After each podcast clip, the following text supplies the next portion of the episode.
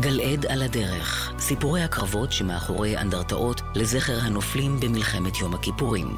והפעם, אנדרטה לחללי הקרבות בתל סאקי, כתבתו של אליעזר ינקלוביץ'. העיניים האלה הצופות בך, עובר אורח.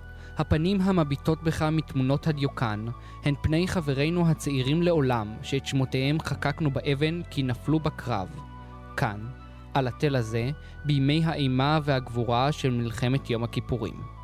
משפטים אלה, לצד המילים יזכור ורעות, חרוטים על שלוש אבנים גדולות, שניצבות קילומטרים ספורים מצפון ליישוב רמת מגשימים בראש תל סאקי. מוצב שעמד במשך שלושת הימים הראשונים של מלחמת יום הכיפורים בפני ההסתערות הסורית על רמת הגולן, וקרבות ההגנה והחילוץ ממנו גבו את חייהם של 32 לוחמים מגדוד הנחל המוצנח ומחטיבות השריון 7 ו-188.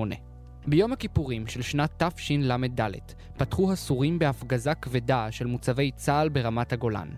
שעתיים לפני תחילת ההפגזה נשלח, בעקבות התראות מודיעיניות, כוח של חמישה לוחמי צנחנים ונהג נגמ"ש לאייש את מוצב תל סאקי, תל געשי בדרום הרמה, שהיווה נקודת תצפית חשובה על הגבול הסורי. עם תחילת הפלישה מצפון ראו הלוחמים יחידות טנקים גדולות חודרות אל עומק שטח ישראל ודיווחו על כך למפקדת הגדוד.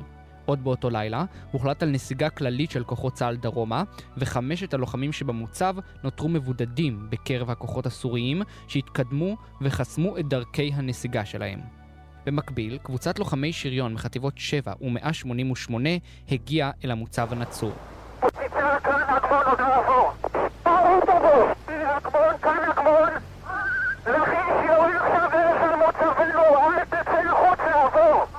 מותשים, פצועים ונטולי תחמושת הם מצאו מקלט בתל סאקי, שהיה עתה נקודת אחיזה ישראלית מנותקת, אחת האחרונות שנותרו בלב הכיבוש הסורי. אותו לילה עבר למתבצרים בתל בסימן קרבות התגוננות מפני כיבוש המוצב.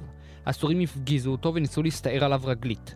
משמצב המגינים נראה נואש, הורה מפקד המתבצרים לאחד החיילים לצאת החוצה ולמסור לסורים את כניעתם. הלוחם יצא מן המוצב בידיים מורמות, והסורים הגיעו למסקנה, מבלי לבדוק אותה, כי כל המסתתרים בבונקר נהרגו, והוא האחרון שנשאר בחיים. כיוון שכך הם עזבו, והמסתתרים נותרו לבדם לשעות של המתנה מתוחה.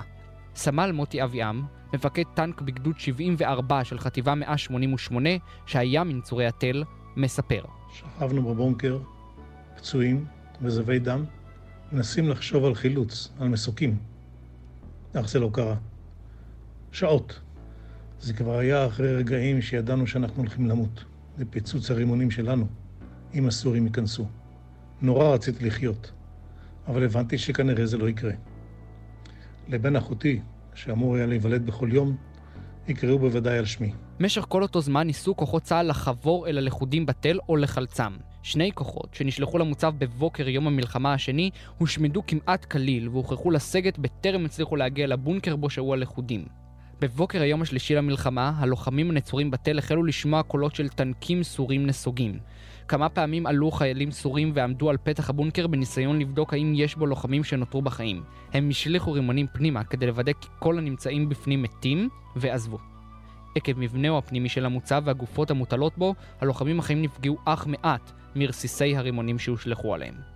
בצהרי היום נשמעו קולות ירי סמוך לפתח הבונקר. ב-8 באוקטובר, בשעה שתיים בצהריים לערך, נשמעה בחוץ קריאה בעברית. היי, hey, יש פה טנקיסטים? ידעתי שניצלנו, שנשאר בחיים. זה היה אחרי קרב, מצור, פיצוצים, פצועים, הרוגים, ללא מים, ללא מזון וללא חומרי רפואה. הכוח ששחרר את הבונקר בתל סאקי הופתע למצוא בו לא פחות מ-28 לוחמים שנותרו בחיים, לאחר ששהו בו במצור ובקרב למעלה מ-30 שעות. גלעד על הדרך כתבתו של אליעזר ינקלוביץ', ייעוץ המחלקה להיסטוריה בצה"ל. את תיאורי האנדרטאות לזכר הנופלים ואת מיקומן אפשר למצוא באתר יזכור של משרד הביטחון.